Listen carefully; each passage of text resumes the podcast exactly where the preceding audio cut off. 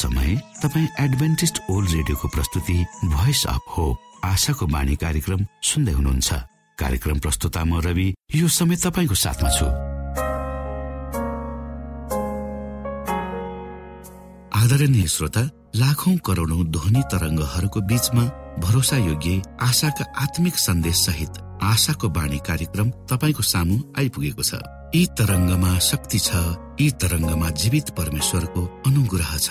यो कार्यक्रमलाई सुन्न रोज्नुहुने समस्त श्रोता वर्गमा हामी आभार व्यक्त गर्दछौ। आजको कार्यक्रमबाट यहाँले प्रशस्त आशिष पाउन सक्नु भएको होस्। यही शुभेच्छा व्यक्त गर्दै सधैँ झै हामी हाम्रो मूल विषयतिर जानु अगाडि सुनौ यो मधुर क्रिस्टीय भजन।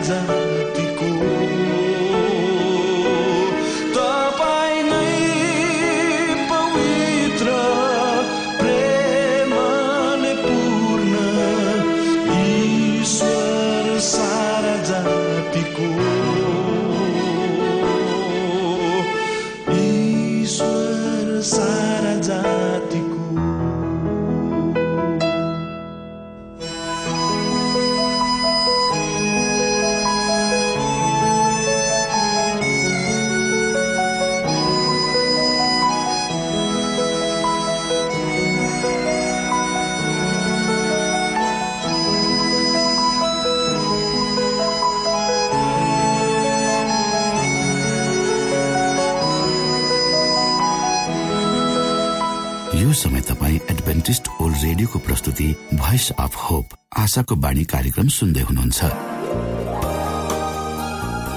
तपाईँ आशाको बाणी कार्यक्रम सुन्दै हुनुहुन्छ। हामी आशा गर्दछौ कि तपाईँले हाम्रा कार्यक्रमहरू सुनेर आनन्द लिनु भएको छ। यदि तपाईँ हाम्रो तर्फबाट सानो उपहार प्राप्त गर्न चाहनुहुन्छ भने कृपया गरेर हामीलाई Bible at the rate AWR dot ओआरजीमा लेखी पठाउन सक्नुहुनेछ। अथवा हाम्रो वाट्सएप नम्बर प्लस एक दुई दुई चार दुई दुई दुई जिरो सात सात सातमा फोन गरेर सम्पर्क गर्न सक्नुहुनेछ। श्रोता मित्र यो समय हामी पास्टर उमेश पोखरेलबाट आजको बाइबल सन्देश सुन्नेछौ। श्रोत साथी न्यानो अभिवादन साथ म तपाईँको आफ्नै आफन्त अर्थात् पास्टर उमेश पोखरेल। परमेश्वरको वचन लिएर यो रेडियो कार्यक्रम मार्फत पुनः तपाईँहरूको बीचमा उपस्थित भएको छु। श्रोता मलाई आशा छ तपाईँले हाम्रा कार्यक्रमहरूलाई नियमित रूपमा सुन्दै हुनुहुन्छ र परमेश्वरका प्रशस्त आशिषहरू प्राप्त गर्दै आउनुहोस् तपाईँ हामी केही समय परमेश्वर सँगसँगै बिताउ आजको प्रस्तुतिलाई पस गर्नुभन्दा पहिले आउनुहोस् म परमेश्वरमा अगुवाईको लागि बिन्ती राख्नेछु जीवी जिउँदो महान दयालु परमेश्वर प्रभु हामी धन्यवादी छौँ यो जीवन र जीवनमा दिनुभएका प्रशस्त आशिषहरूको लागि प्रभु यो रेडियो कार्यक्रमलाई म तपाईँको हातमा राख्दछु यसलाई तपाईँको राज्य र महिमाको प्रचारको खातिर यो देश र सारा संसारमा पुर्याउँछ ताकि धेरै आत्माहरू यो रेडियो कार्यक्रम मार्फत तपाईँको राज्यमा प्रवेश गर्न सक्नुहोस्। त्यसबाट तपाईँको महिमा होस् आमेन।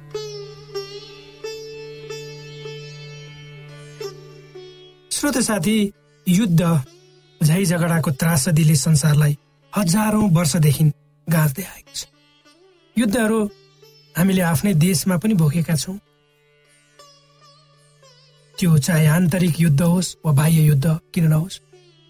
र जो जो अलि वृद्ध हुनुहुन्छ उहाँहरूले विभिन्न देशहरूमा गएर पनि युद्ध गर्नुभएको छ। र त्यो युद्ध मैदानमा आफ्नो जीवनलाई आहुति पनि दिनुभएको छ र कयौँ ती युद्ध मैदानबाट फर्केका जीवित पुरुषहरू पनि हाम्रो देशमा हुनुहुन्छ। र युद्धको त्रासदीले सबैलाई असर पार्दछ। र यसबाट के प्राप्त हुन्छ भन्दा डर हुन्छ मानिसमा भय नाश हुन्छ। आर्थिक रूपमा जहाँ युद्ध भएको छ त्यहाँ अस्त व्यस्तता हुन्छ। धेरै मानिसहरू मर्छन् जसले आफ्ना बालबच्चाहरूलाई टुहुरा टुहुरी बनाएर जान्छन्। मान्छेहरू हताश निराश हुन्छन् आफ्नो जीवनदेखि। र जमिनमाथि प्रकृति मानिस प्रकृतिमाथि मानिसले अत्याचार गर्छ। त्यसबाट भोक रोग दुःख कष्ट चोट पटक धेरै धेरै नराम्रा कुराहरू हुन्छ र मृत्युले मानिसलाई गाँच्दै जान्छ। यी कुराहरूले गर्दा जो मानिसहरू प्रत्यक्ष रूपमा वा अप्रत्यक्ष रूपमा युद्धको शिकार भएका छन् ती मानिसहरूमा सधैँ एक किसिमको अनिश्चित भविष्य र डरले सताइरहेको हुन्छ। र उनीहरूको जीवनमा वा भविष्यमा सधैँ एउटा भएको कालो बादल मडारिरहेको छ। सबै किसिमका रिसहरू घृणा प्रतिरोधात्मक भावना र र त्यसले ल्याउने युद्धहरू आज संसारलाई संसारमा हेर्दाखेरि दिनानो दिन बढ्दै गएका छन्। र मानिस मानिस मानिस माथिको आफ्नो प्रभुत्व कायम गर्न विभिन्न नाउँमा आफूले आफूलाई नष्ट गर्दैछ। आफ्नो जीवनलाई बडो कष्टयुक्त मार्गमा जानेर वा नजानेर मानिसले धकेल्दैछ। हिजोभन्दा आज र आजभन्दा भोलि। धेरै बेसी के तपाईँ र मैले यो कुरालाई अनुभव गरेका छौँ? श्रोत साथी तपाईँ हामी यो युगमा बाँचेका मानिसहरूको जीवन हिजोभन्दा आज कठिन र कष्टकर हुँदै गएको के तपाईँले अनुभव गर्नुभएको छ वा सोच्नु भएको छ? यदि छैन भने केही समय निकालेर आफ्ना विगतका दिनहरूलाई केलाउने कोसिस गर्नुहोस्। र ती दिनहरू अहिलेको तुलनामा कति सरल र सहज थिए। यद्यपि आर्थिक सम्पन्नता सामाजिक अवस्था र तपाईँको वर्तमान परिवेश ती दिनहरूभन्दा आज माथि उठेका किन तर तपाईँ आफ्नो विगतमा अभाव दुःख र परिश्रम बीच कति शान्त र आनन्दमा आफ्नो जीवन बिताइरहनु भएको थियो के तपाईँले सोच्नु भएको छ? के तपाईँले यो अनुभव गर्नुभएको छ? स्वत साथी जब हामी पवित्र धर्मशास्त्र बाइबलको पहिलो पुस्तक हेर्छौँ त्यहाँ कैनले आफ्नो भाइ हाबिलको हत्या गरे। त्यसपछिदेखि मानव इतिहासमा युद्ध कहिले निको नहुने दीर्घ रोगको रूपमा स्थापित भयो। कैन र हाबिलको बीचमा विवाद भनेको ईर्ष्या र दोष नै थियो। त्यसपछि आज सारा मानिसलाई हेरौँ एउटाले अर्काको दोष केलाउने र ईर्ष्या गर्ने स्वभाव प्रत्येक मानिसमा व्याप्त पाइन्छ। त्यसै गरी मानव इतिहास पनि त्यही कुराद्वारा भरिएको छ र अगाडि बढ्दैछ। हामी आफैलाई हेरौँ हाम्रो समाजलाई राष्ट्रलाई र राष्ट्र राष्ट्रहरूलाई हेरौँ त यो स्पष्ट देखिन सकिन्छ वा बुझ्न सकिन्छ। मानिसमा इस्या। मानिसले अर्काले गरेको देखि नसहने अनि मानिस आफू आफ्नो दोष नदेख्ने मानिसले तर अरूलाई दोषी देख्ने। यो कुरा हाम्रो आफ्नै घरमा पनि हामी देख्छौँ आफ्नै छिमेकीमा आफन्तहरू र समाज युद्धले प्रत्येक देश र त्यसका सबै मानिसहरूको जीवनको सम्पूर्ण पक्षहरूमा प्रत्यक्ष वा परोक्ष रूपमा असर पार्दछ र पारिरहेको छ र उक्त असर धेरै समयसम्म रहिरहन्छ। युद्धहरू चाहे जातिको नाममा धर्मको नाममा सिमानाको नाममा धन सम्पत्तिको नाममा किन नभएका हुन्? ती सबैले कसैको पनि हित गर्दैन भन्ने कुरा इतिहासले प्रमाणित गरेको छ। र ती देशहरू जसले युद्धलाई बारम्बार भोगिरहेका छन् तिनीहरूले आफ्नो सम्पूर्ण साधन र स्रोतलाई आफ्नो निर्माणमा त्यो देशको विकासमा त्यो देशका जनताहरूको विकासमा उन्नति र प्रगतिमा लगाउने भन्दा आफूले आफूलाई संरक्षण गर्ने काममा लगाउनु पर्ने हुन्छ। सन् उन्नाइस सय साठीमा नर्वेको सरकारले दिएको एउटा जानकारी अनुसार संसारमा करिब छ हजार वर्षभित्र मानिसहरूले चौध हजार पाँच सय एकतिसवटा युद्धहरू लडे र त्योभन्दा पनि अगाडि धेरै युद्धहरू लडिए जसको रेकर्ड छैन। तर जब सुरुदेखि मानिसहरू युद्ध लडे त्यसमा एउटा कुरा के पाइन्छ भन्दा मानिसहरूले एउटाले अर्कोमाथि आफ्नो प्रभुत्व जमाउने नाममा एउटाले अर्कालाई जित्ने नाउँमा नयाँ नयाँ प्रविधिहरू मानिसहरूले खोज्दै गए। त्यही प्रविधि पुस्तौँ पुस्ता। एक पुस्तापछि अर्को अर्को पुस्तापछि अर्को। हुँदै नयाँ नयाँ प्रविधिहरू पनि भित्रिँदै गए। र यो एउटा होडै चल्यो युद्धको सामना गर्नको लागि।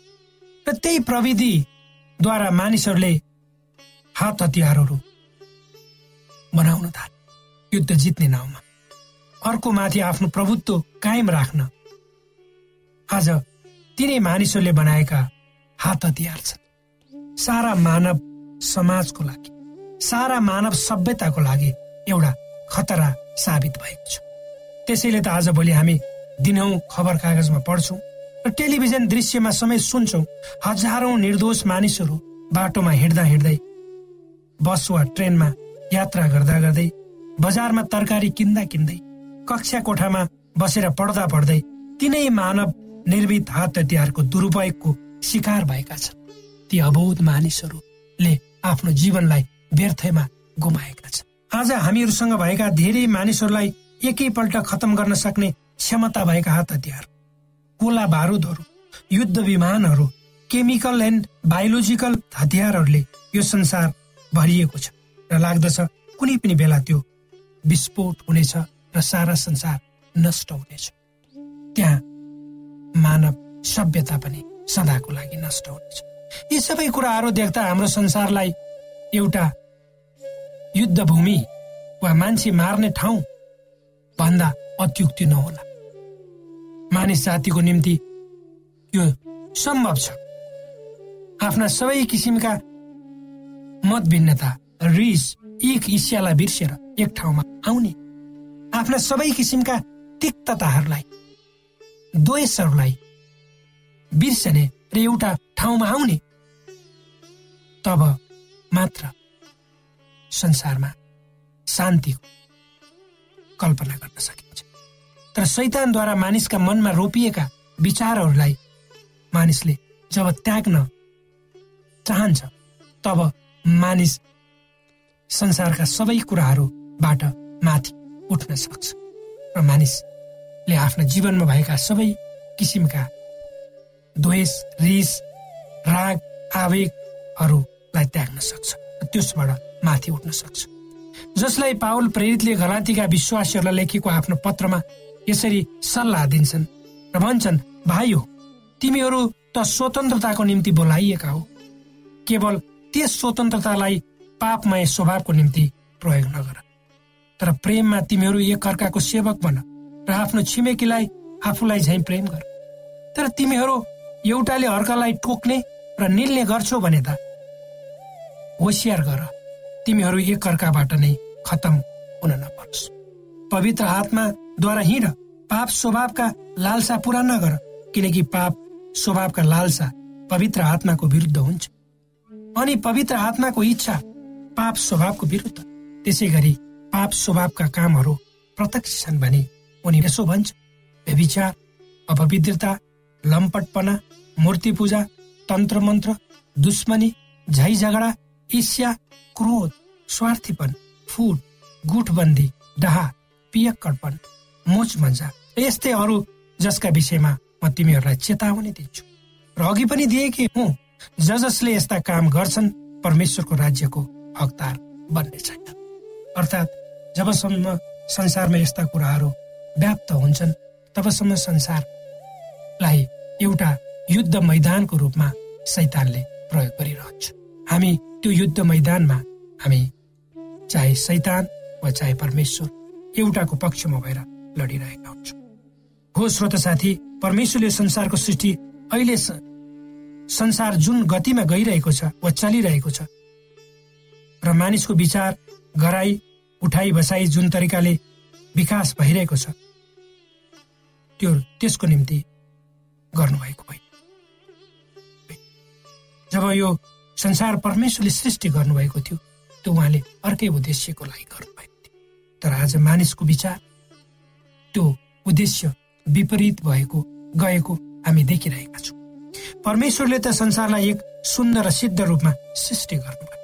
जब सृष्टिका काम सिद्ध्याएपछि आफूले बनाउनु भएको हरेक कुरा परमेश्वरले हेर्नुभयो त्यो साह्रै राम्रो थियो भनेर पवित्र धर्मशास्त्र बाइबलको पहिलो पुस्तक उत्पत्ति एक अध्यायको एकतिस पदमा लेखिएको हामी पाउँछौँ। हो श्रोत साथी परमेश्वरको हातबाट जब यो सृष्टि आयो तब यो अर्कै थियो।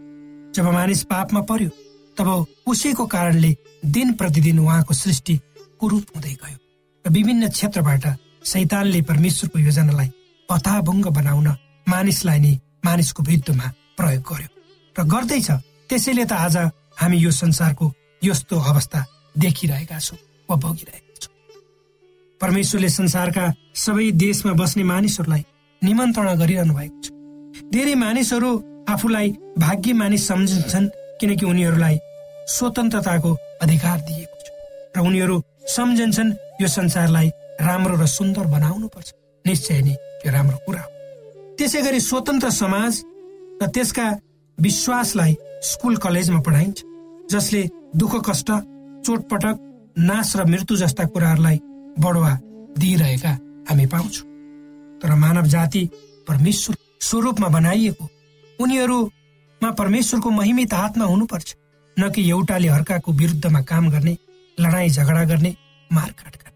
त्यसकारण हामी सबैले आफूलाई नै एउटा प्रश्न सोध्नु आवश्यक छ कि परमेश्वरले तपाईँ र मलाई यस्तै नराम्रा कुरा गर्नको निम्ति बनाउनु भयो उहाँले आफ्नै स्वरूपमा के हामी एकले अर्कालाई आक्रमण गर्नुपर्छ वा गरिरहनु पर्छ यस्ता धेरै प्रश्नहरू तपाईँ र मैले आज सोध्नुपर्ने बेला आएको छ। प्रभु येसु भन्नुहुन्छ मानिस वचनद्वारा जिउनुपर्छ न कि रोटीले। अर्थात् हाम्रो जीवन परमेश्वरको प्रत्येक वचनद्वारा निर्देशित र नियन्त्रित हुनुपर्छ। परमेश्वरले यी वचनहरूद्वारा तपाईँ र मलाई उहाँको बाटोमा हिँड्नको लागि यो संसारलाई एउटा शान्त र सुन्दर संसारको रूपमा विकास गर्नको लागि अगुवाई गर्नुहुनेछ। यही मेरो कामना।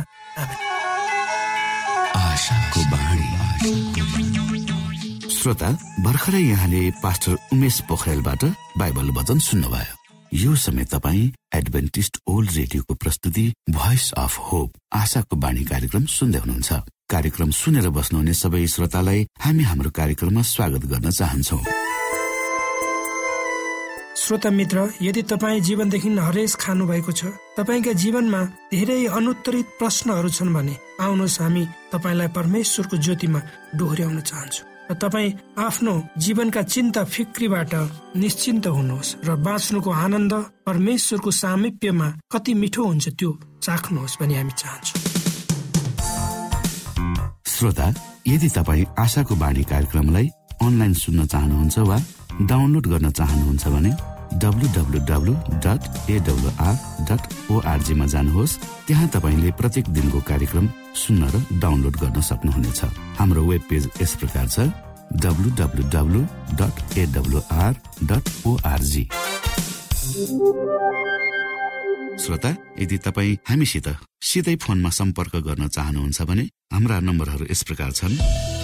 अन्ठानब्बे एकसाठी पचपन्न शून्य एक सय बिस अन्ठानब्बे एकसाठी पचपन्न शून्य एक सय बिस र अर्को अन्ठानब्बे अठार त्रिपन्न पन्चानब्बे पचपन्न. अन्ठानब्बे अठार त्रिपन्न पन्चानब्बे पचपन्न।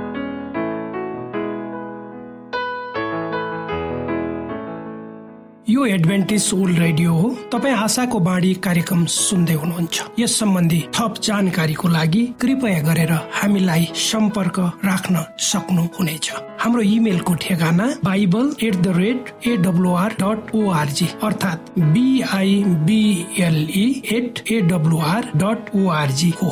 तपाईँ हामीलाई हाम्रो वाट्सएप नम्बर प्लस एक दुई दुई चार दुई दुई दुई जिरो सात सात सातमा पनि कल गरेर सम्पर्क राख्न सक्नुहुनेछ। अर्थात् प्लस एक दुई दुई चार दुई दुई दुई जिरो सात सात सात।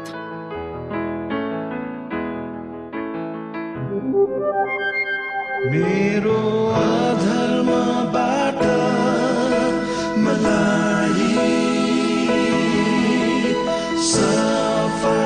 sun.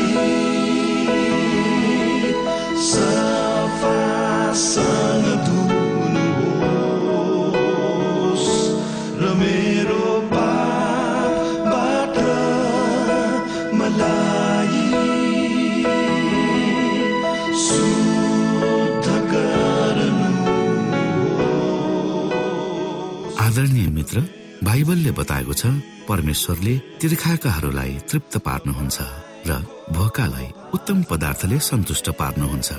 हामीलाई दिइएको यो छोटो समय आशाको बाणीको प्रस्तुतिको समयमा हामीले हाम्रा श्रोताको आत्मिक भोकलाई केही मात्रामा भए तापनि सही प्रकारको खुराक पस्केर आत्मिक सन्तुष्टि दिन सकेका छौँ केही ऊर्जा थप्न सकेका छौँ भनेर हामीले आशा राखेका छौँ।